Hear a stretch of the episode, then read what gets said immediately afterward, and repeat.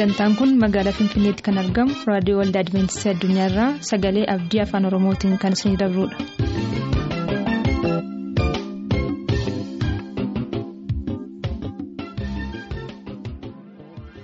nagaan keenya bakka jirtan hundaatti sana qaqqabu kabajamtoota dhaggeeffatoota keenyaa harka fuuni attam jirtu sagantaa ittiin eebbifamtan jenne qabannee dhiyaanneerra amma xumura qophii keenyaatti nooleen turaa jenna. Dursinee kan isiniif dhiyeessinu sagantaa maatii abtaamuun qopheesse ta'a egaan sagantaan maatii keenyaarraa maalirratti xiyyeeffataa laata walumaan itti haaceenu.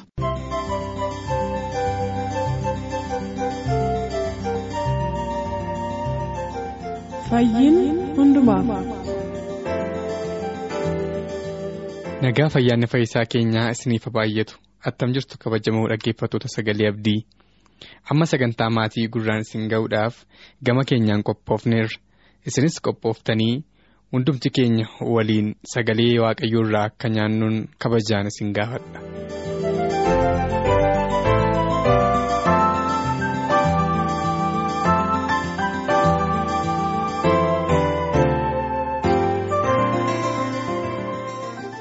Sagantaa maatii har'aa keessatti maatiin akkamittiin ijoollee isaanii sagalee waaqayyootti guddisuu qabu kan jedhu waliin ilaalla mata dureen dubbii keenyaas waaqayyoof sagalee isaa jedha waaqayyoof sagalee isaa.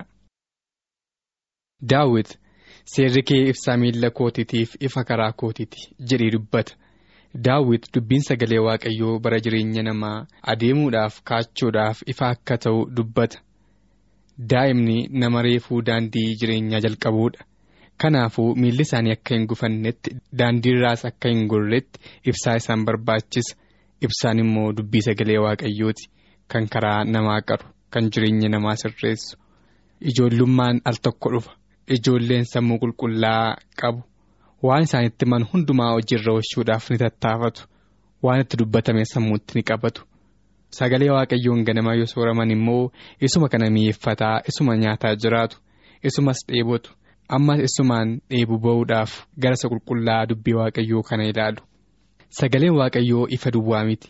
Jireenyaaf qabbanatti nama oofa. Karaa ifaatti nama gamalee jireenya namaas qindeessu ifatti nama gamalee jireenya namaas qindeessa kanaafuu daa'imni macaafa qulqulluu dubbifachuudhaaf barachuu qabu. Kana immoo abbaa fi haati isaanii isaan barsiisuu qabu. Egaa akkamittiin daa'ima keenya dhugaadhaaf jaalala waaqayyootti madaqsuu dandeenya kan jedhu mi'a armaan gaditti waliin ilaallu. inni jalqabaa sagalee waaqayyoo ammam akka jaallattuuf akka kabajju ijoollota keetiitti agarsiisi jedha abbaaf haati sagalee waaqayyoo ammam akka kabajaniif ammam akka isa ulfeessan ijoollee isaaniitti hojii isaaniitiin agarsiisuu qabu ijoollonni. Isa abbaa fi haati isaanii lallaban yookaan barsiisan utuu hin ta'in isa isaan jireenya isaanii keessatti shaakalan sirriitti qalbeeffatu akkuma warri isaanii itti jiraatan isaanis jiraachuu barbaadu yoo isaan sagalee waaqayyoo ni kabaju ta'e isaanis ni kabaju kanaafuu abbaa fi haati ijoollee yoo ijoolleen isaanii sagalee waaqayyoon gulgamanii haa jiraatan jedhan. Karaa ifaaf qajeelaa irra haa deeman yoo jedhan ofii isaaniitii dursanii sagalee waaqayyoo kabajuutu irra jira. Sana booddee ijoolleenis isaan ilaalanii dhugaa sagalee waaqayyoo kana kabajuuf ulfeessuu danda'u. macaafni qulqulluun kitaabota jiran hundaarra ulfina qaba. Xarapheezaa irratti furuursanii darbachuun yookaan iddoo barbaadan kaa'uun gaarii miti. Macaafni qulqulluun sagalee waaqayyooti. Daandii jireenya waaqayyoo namatti agarsiisu. Abdiif kakuu waaqayyoo namaaf galee of keessatti qabatee jira. Kanaafuu macaafa qulqulluu kana kabajuun bakka kabajamaa isa kaa'uunis barbaachisaadha. Kana immoo hojii ofiitiin maatii ofiitti agarsiisuu qabu. Yommus ijoollonni sun macaafa sana ni kabaju. Waaqayyoonis ni ulfeessu. Abdii sagalee waaqayyoo isa jiraataa kanattis qabamanii jiraachuu filatu. Sagalee waaqayyoo jaalalaaf gammachuudhaan banaa dubbifadhaa. Macaafa qulqulluu dubbifachuun akka isin gammachiisu daa'ima keessanitti agarsiisaa. Isa dubbifachuun jireenya keessaniif eebba ta'uusaa yeroo yerootti maatii keessanitti dubbadhaa yeroo macaafa qulqulluu waliin dubbifattanis qabaadhaa gooftaan abdii nuuf laateera kakuu gooftaan isiniif gale kana immoo gooftaan akka isiniif raawwatuuf akka isiniif raawwachaa jiru kana daa'ima keessanitti tokko tokkoon ibsuun barbaachisaadha gooftaan amanamaadha. Isinis isaaf amanamaa.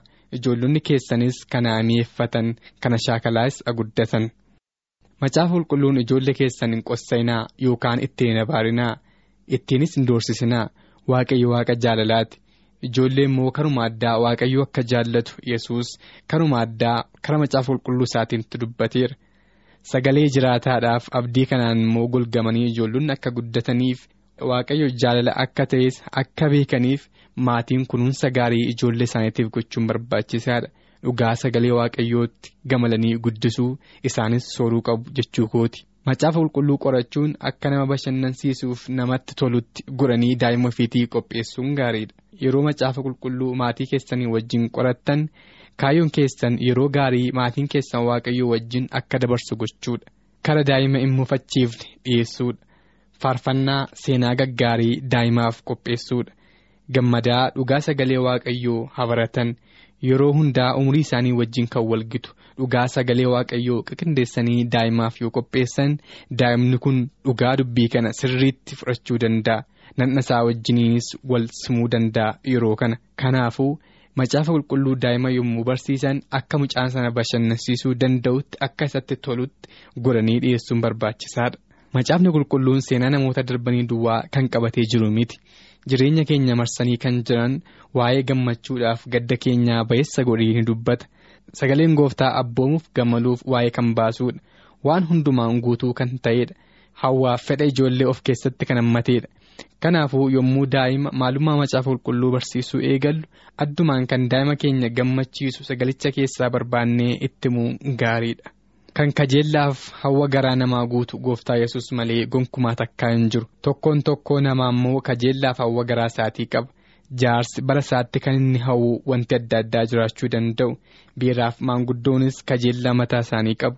Akkasumas daa'imni waan baay'ee umurii isaanii kanatti hawwu. Waan baay'ee kajeelu. Utuu waan baay'een isaaniif raawwatamee barbaadu. macaafni qulqulluun immoo namoota kana hundaaf akka gita gita isaaniitti dheebuuf beela kan isaan baasu. Waan baay'ee of keessaa qaba. Kanaafuu ijoollota keenya macaafa qulqulluutti madaksuu yoo barbaanne macaafa qulqulluu hawwa ijoollee keenyaatti firoomsuudha. Daa'ima keenya kan naasisu yookaan sodaachisu jiraachuu danda'a. Mana barumsaatti yookaan daandii irratti yookaan manatti illee kan daa'ima rifachiisan waan baay'eedha macaafni qulqulluun keenya immoo abdiif jajjabina hedduun guutameera kanaafuu mucaan keenya ni sodaata yoo ta'e yeroo sana mucaan kun macaafa qulqulluu wajjin akka inni wal baratutti seenaa macaafa qulqulluu keessaa kan kanaa wajjiniin wal fakkaatu mucaa kanatti dubbachuudha. Fakkeenyaaf iyyaasuu boqqonnaa tokko lakkoofsa sagal irratti bakka deemtu hundumaatti waaqayyo waaqni keessii wajjiniin jira. Jabaadhu cimi hin sodaatiin inneenis jedhee sitti nimneere kan jiru mucaa kanaaf dubbisuudha. Yeroo sana. Mucaan kun dhugaa dubbii waaqayyoo kana simachuu jalqaba. Isattis madaquu jalqaba jechuudha. Yoo irriba dhabee rakkata ta'e mucaan kun kan kanaa wajjiniin wal qabatee jiru macaafa qulqulluu keessaa barbaadanii yoo dubbisaniif battalumatti mucaan sun yaadni isaa gara macaafa qulqulluutti gara waaqayyootti dhiyaachuu jalqaba. Fakkeenyaaf irriba dhabee rakkata yoo ta'e daawwit abbaan faarsaa faarsaa boqqonnaa afur lakkoofsa saddeet irratti kan inni dubbate dubbisuufiidha. Innis. Nagaadhaan gara irriba kootii nan naqa nan rafas ati duwwaanis amantiidhaan na bulchi ta'oo jedha daawwit waaqayyo akka nuyi boqonnuu barbaada kanaafuu sammuunis qaamaanis akkasumas hafuuraan nagaa qabaannuuf gooftaan irriba nuuf laata. Mucaan kun immoo irriba kana boqotee rafuutu irra jira. Iddoo irriba isaatiitti waaqayyo akka isaa wajjiniin jiru qalbeeffachuutu irra jira. Amantiidhaanis gara waaqayyoo akka inni ilaaluuf ijoollummaa isaa sanattis akka inni baratuuf macaafni qulqulluun immoo dhugaa dubbii waaqayyoo kan ibsu ta'uusaa mucaan kun yeroo kana akka baratuuf seenaa kana dubbisuun gaariidha. yesus isaanii wajjiniin jira ijoollota kana eeguudhaaf ijoollonni daa'imummaa isaaniitti kana hin hubatan taanaan yommuu guddatan sagalee kanatti madaquu hin danda'an sagalee kanatti edda guddatanii madaquun rakkisaadha. Abbootiin qunceen ganama jiite hin goddu jedhu. Kanaafuu ganamuma sagalee waaqayyootti ijoollonni yoo madaqan jireenya isaanii guutuu macaafa qulqulluu irraa soorachaa isaan guddachaa jiraatu. Jireenya kiristaanaaf macaafni qulqulluun hundeedha. Gooftaan karaa baay'ee namootatti dubbata. Isaan keessaa macaafni qulqulluun isa guddaa tokkodha hariiroo namni waaqayyo wajjin qabu daraan kan cibsuudha macaafni qulqulluun seera waaqayyoo kan nama barsiisuuf gara jireenya qulqullaatti kan nama geessu. Macaafa qulqullaadha. Gooftaatti boqochuudhaaf barduu isaarraa soorachuun carraa daangaa hin qabneedha. Keessumaa daa'ima ganaa jireenya jalqaban harka kiristoos keessatti dabarsanii yoo laatan ijoollonni sun bara isaanii guutuu harka yesus isa hamaa hundumaarraa nama golguun golgamanii mana waaqayyoo keessatti guddachuu danda'u. Macaa qulqulluus ijoollummaa isaaniitti dubbifachuu yoo baran isas dubbifachaa bara isaanii guutuu guddatu. Waaqayyootti madaqaa mana waaqayyoo keessa jiraachaa jireenya isaanii isa booddeetti immoo mana waaqayyoo isa waaqarraa keessa akka jiraataniifis carraa guddaa isaaniif ta'a. Kanaafuu maatiin jireenya isaanii jireenya ijoollee kanaa jechuu kooti macaafa qulqulluu wajjin akka wal qabanii guddisan waaqayyo hunduma keenya gargaaruun jedhee dabarsuu barbaada. Gooftaan nu wajjiniin haa ta'u nagaatti.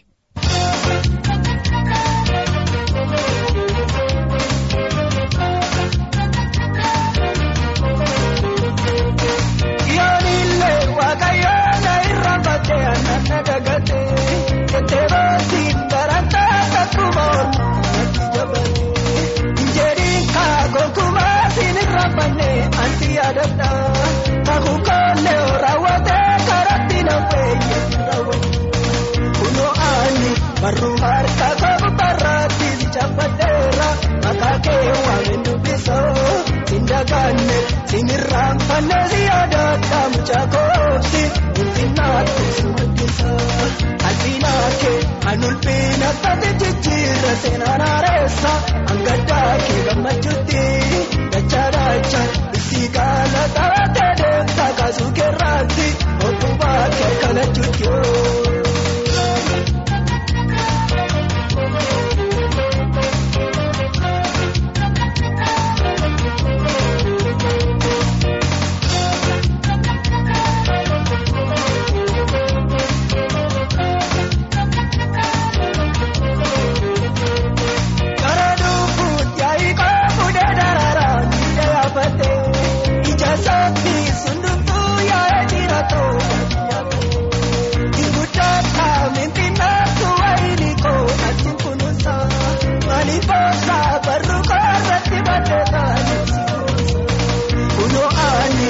Barruu harka koobu barraatti bichaafadheera maqaa kee waameen dubbisoo sindagaanne sinirraan fanneesi yaadaadha mucaa koobsi ulfinnaatti sumaddisa asiinaa kee an ulfina taate jijjiirra seenaan haareessa hangaddaa kee gammachuutti dachaa isii gaala taatee deemtaa kaasuu keerraatti okkubaa kee kalachuutti. Barruu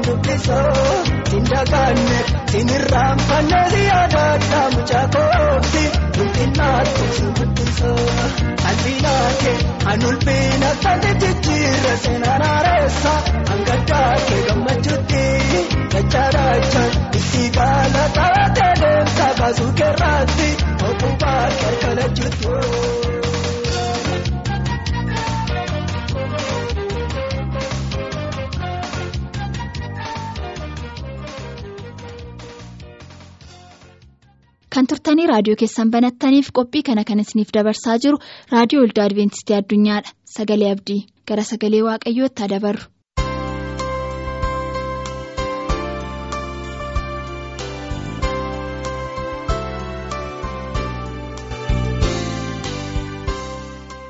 Attam jirtu kabajamoota dhaggeeffatoota sagalee abdii waaqayyootti kan jaallatamtanii jaalala waaqayyoo ta'ee dubbii waaqayyoo waliin barachuuf yeroo kana sanuu kenne waaqayyoof galanna ta'u akkam isin naguma keessanii gara kutaa barumsa keenya guyyaa har'aatti utuu hin darbiin fuulduraa gooftaan akka nu gargaaruuf hin akka nu barsiisuuf bakka jirru hundumaa jiraannee boqoo keenya ulfina waaqayyoof gadi qabnee hin kadhanna qulqullaa kan taatee hundee jireenyaa burqaa jireenya bara baraa. waaqa abbaa keenyaa waaqa uumaa keenyaa waaqa sitti matan hin dinnee waaqa sitti hirkatan hin jigne hundee uumaa waaqaaf lafaa kan taate yeroo kana gaa kunoo gurra dubbii kee dhaga'u kanaa yeroo kanatti ati eebbaan akka mana kanatti galtee maatii mana kana jiran obboloota dubbii kee dhaga'an kana saba dubbii kee dhaga'u kanaa eebbaan akka yaadattuuf jaalala kee haa ta'u. Yaa waaqayyo abbaa gaa dhukkubfatan fayyiftee rakkatan gargaartee hanidhamaniiftee kan iddoo rakkinaaf muddamaa keessa jiraatanii yeroo kana gurra dubbii kee dhaga'u kanaaf nagaaf tasgabbii jireenya fayyinaa abdii bara baraa taate akka isaan gargaartuuf jaalala kee haa ta'u sirraa barraa nu barsiisi sifaanatti buunee si duukaa qabamnee jireenya isa waaqaaf akka qopheefnu nu gargaari dubbii kee kanaan immoo nu eebbisi maqaa yesuus jettee ameen. waaqatti kan jaallatamtanii dhaggeeffatoota sagalee abdii mata dureen barumsa keenyaa yeroo kanaa kan inni jedhu yesus namoota gara boqonnaatti waamuusaa jedha. kan akka yesus hin jiru gaa ilma namaatiif kan yaadu jireenya namaatiif kan fedhii qabu keessumaa namni biyya lafaa kana keessatti cidha yommuu qopheeffatu cidha isaa kana irratti namoota fira isaa lammii isaa fageenyaa dhiyeenyaanis gara waamichaatti waama gooftaa yesus kiristoos immoo fayyina bara baraatiif gara jireenya boqonnaatti yeroo saba isaa waamu gaa inni hiyyeessa dadhabaa ijoollee nama guddaa utuu hin jedhin uumama isaa hundumaatiif gara boqonnaatti waama gooftaan. kanaaf egaa ammas yeroo kana dubbii kana kan dhaggeeffannu yesus nama gara boqonnaatti yommuu waamu isa dadhabeef jabina kennuuf isa rakkate gargaaruuf isa hidhame hiikuuf isa karaarra jiru immoo adeemsa isaa fiixaan baasee gara dhugaatiif gara jireenyaatti geessuudhaaf gooftaan nama waama kanaaf ammas egaa dhaggeeffatoota dubbii abdii waaqaatti kan jirtan hundumti keessan waamichi gooftaan waamu kunii nyaatanii kan beela ba'an dhuganii kan dheebuu ba'an. Dhaggeeffatanii kan itti gammachuu qabaatan waamichi biyya lafaa nyaatanii dhuganii bori beela'uuf jiru kan gooftaan nuu kennu waamichi inni ittiin waame kan ittiin beelofne kan ittiin dheebonne kan ittiin dadhabne jireenya samaayitiif waamicha nu waameera gooftaan. Macaafa raajii Ermiyaas boqonnaa soddomii tokko lakkoofsa 25 irratti akkana jedhaa ani warra dheebotee nan obaasaa warra beela'anis nan qobsa jedha gooftaan ani warra dheebotanis. Nan obaasa.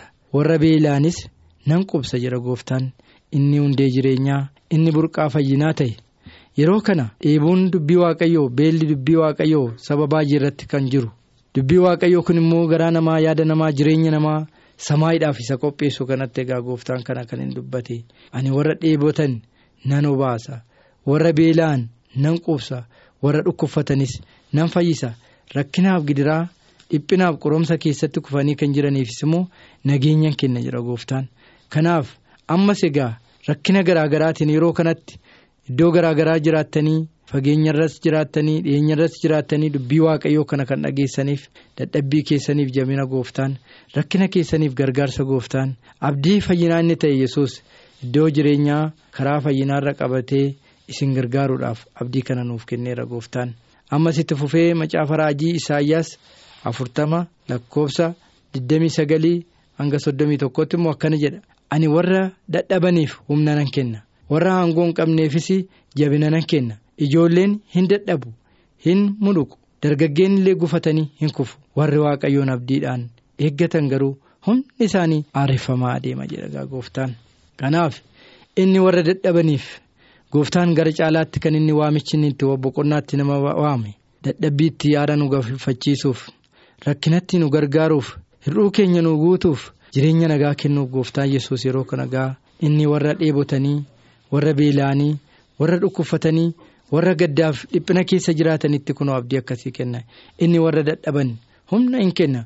Warra aangoo hin qabneefis jabina kenna gooftaan. Ijoolleen illee mucooliin illee hin dadhabu dargaggoon illee hin gufatu. Warri waaqaan abdiidhaan jiraatan garuu hamma bara baraatti hin leeyya'an hin dadhaban. Akka joobiraa baalleedhaan hin balali'u. Hin fiigu garuu hin dadhaban. In adeemu garuu hin mudhuqan jedha gooftaan. Kanaaf egaa inni danda'a hundumaa ta'e gooftaan yesus fayyisaa ilma namaa inni gargaaraa hundumaa. Yeroo kana namoota boqonnaatti yommuu waame. Isin dadhaboota nana. Ba'aan keessan kan isinitti ulfaate. Jireenyi kan isinitti cime. Garatti gortaniif garatti baatan kan dhabdan gara kootti deebi'aa. Gara fayyinaaf gara jireenyaatti jedhee gooftaan abdii akkasii jireenya akkasii. Waamicha akkasiitiif nu waameera firoottan gooftaan yeroo nama waamu atoo dafii hiyyeessaati atoo sooressaati atoo dadhabaadhaan jedhu uumama isaa hundumaa boqonnaatiif gara jireenya waamaatti jira gooftaan. Kanaaf egaa boqonnaatiif kan waamamne gooftaan amma kan nutti dubbatu baha cubbuu keenyaa isa nutti ulfaate rakkina jireenya keenya keessa ta'ee seexanni yeroo hundumaa guddina keenyaaf xinneenya kan yaadu fayyina keenya irra badiisa keenya kan nurratti yeroo hundumaa guungumu seexanni akka qaana'uuf waaqayyo immoo kana nutti dubbatee ragaa. Inni warra dadhaban jabeessuuf warra dhukkubfatan fayyisuuf warra rakkinaaf gidiraa keessatti kufanii jiran kaasuudhaaf gooftaan yeroo kana abdii jireenyaa abdii fayyinaa nutti dubbataa jira firoottan ko wangeela maatiyoos boqonnaa kudha tokko lakkoofsa 28 irratti immoo yesuus akkana jedha. Yesuusis itti fufee isin warri itti dhamaatanii dadhabdan ba'aan kan isinitti ulfaate hundinuu gara kokottaa boqonnaa isiniifan kennaagaa jedhe amma yeroo kana dubbii abdii fayyinaa sagalee misraachoo fayyinaa kana kan dhageessan obboleessi obboleettiin xinnaan guddaan hundumti keessan dubbii kana gaa gooftaan kan jedhu isin ba'aan keessan kan isinitti ulfaate. Kottaa isinan boqochiisa. Kottaa narraa baraa. kottaa jireenya argattu. Kottaa fayyinaaf jedhee waamichatti nu waamaa jira gooftaan. Boqonnaa inni kennu boqonnaa jireenyaati. Abdii inni kennu abdii fayyinaati. Kan inni gooftaan nu abdachiisu gaa lakkoofsa 29 irratti immoo waanjoo koo fudhattanii baadhaa anarraas baraa ani garraamiidha. Gara laafessas boqonnaa immoo lubbuu keessaniif egaa hin argattu jedhe. Waanjoo koo ofirratti baadhaa anarraa baraa anoo garraamiidha gara balleessa boqonnaa lubbuu keessaniif argattu jedha. biyyi lafaa boqonnaa nama dhoowwataa jira obboloota ko. Hojiin isaa dadhabbii ta'aa jira jireenyi dadhabbii ta'aa jira. Haalli ittiin ba'anii galan jireenyi dadhabbii keessatti jira. Har'a ilmoon namaa muddama guddaa keessa jira. Kanaaf gooftaan egaa isa dadhabbii hin qabne isa nuffii hin qabne isa nama hin dadhabne gooftaan ani garraamii gara laafessaa boqonnaa lubbuu keessaniif egaa argattuuti. Gara kokottaa jedhee waamicha kanatti nu waamaa jira. Kanaaf egaa ammasii waamicha akkasii kana dhageenyee dubbii waaqayyoo kana fudhannee dadhabbii keenyaaf jabina wallaalummaa keenyaaf beekumsa rakkina keenyaaf gargaarsa dhukkuba keenyaaf fayyina akka ta'uuf gooftaan yeroo kana gara kokottaa boqonnaa argattu jedheera. Hammam keenyaarraa ba'aa cubbuu keenyaa ba'aa isa nutti ta'e dadhabbii isa nutti ta'e jireenya keenya kana gaa. Nurraa kaachisuuf boqonnaa nuuf kennuuf abdii nuuf kenne gooftaatti dhiyaannee jireenya fayyinaa kanaaf kan qophaa'aa jirru hundumti keenya gaa. Gara waamichaa kanaatti dhiyaachuutu nurra jira. biyyi lafaa amma nuyi keessa jirru kun abdii hin qabdu xumurri ishee jala gaheera dhumi ishee jala gaheera kanaaf gooftaan immoo gaa biyya lafaa ishee baduuf jirtu. Biyya lafaa ishee xumuratti dhufaa jirtu kana jalaa akka nuyi deebinee gara fayyinaaf gara jireenyaatti deebinuuf gooftaan nu waamaa jira. Gooftaan isin waamaa jira firoottan kanaaf egaa waamicha kanatti dhageenyee gooftaan isaanii itti nu waamee fudhannee jireenyaaf qophaa'uuf abdii isaatiif dhaabachuuf gooftaan ammas isin waamaa jira. Dadhabbii keessanitti. lubbuu keessaniif boqonnaa argattu gara kokottaa jedha. Inni waamichatti nu waametti gooftaan itti beeka. Isa waame immoo gargaaruu gooftaan danda'aadha tarii amma yeroo kana gaa jireenya keessan keessatti maatii keessan keessatti yaaddoo kan isinitti ta'e dadhabbii kan isinitti jiraatu yoo jiraate gara yesuusitti dhiyeessaa. Maariyaam akkuma isheen gara gooftaatti dhiyeeffatte. Fedha ishee hundumaa fudhattee miila yesuus jala teessee fayyinaaf boqonnaa argachuuf akka baratte har'a egaa nuyi dadhabbii keenya ba'aa keenya fudhannee gara yesuusitti dhiyaannu. faarsaa daawwit 55 lakkoofsa 22 irratti wanta yaada isinitti ta'u waaqayyotti gataa dhiisaa. Inni akka isiniif akka itti fudhattaniif sin hirkisaa jedhagaan wanta yaada isinitti ta'u waaqayyotti gataa dhiisaa ani akka. isinitti hirkisanii fi akka isinitti toluuf isinin hirkisaa namni qajeelaan raawwatee akka hin dhimamne nan godhaa jedha gooftaan kanaaf egaa gooftaan yesuus karaa garbicha isaa kan nutti dubbate egaa amma immoo kana wanta yaaddoo isinitti ta'e waaqayyotti gataa dhiisaa ani akka ati hin kumnetti sin hirkisaa jedhe namni qajeelaan raawwatee akka hin miidhamne nan godhagaa jedha. Waaqayyo nama miidhuudhaan miti nama rakkisuudhaan miti. fayyinatti kunoo nama waama. Kana duwwaa miti. Ergaa Pheexroo isa duraa boqonnaa shan lakkoofsa torba irrattis yesus waa'ee koo? Yesus waa'ee keessaniif itti yaadaa jira. Isiniif yaadaa jira. Ani isinii waan yaaduuf yaada keessan hundumaa waaqayyotti gataa dhiisaa'edha faarsaa torbaatamii sadii lakkoofsa damii shan irratti gara xumuraatti waaqarrattis malee eenyuu nan qabaree lafarraas malee maalan eeggadha reegaa jedhe kanaaf egaa waaqarrattis eenyuu hin qabne yesuusin malee lafarrattis.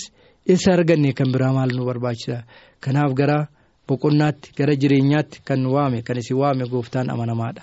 Yeroo kana gaa dadhabbii keessanitti jabina rakkina keessanitti gargaarsa mana keessanii maatii keessaniif barakataaf eebba akka kennuuf hawwiikoof kadhannaa kootii barumsaa yeroo kanaaf qabnu kanumarratti raawwannaa waaqayyo sinaa eebbisu waaqayyo sinii wajjin haa ta'u maqaa isaatii jedhee ameen.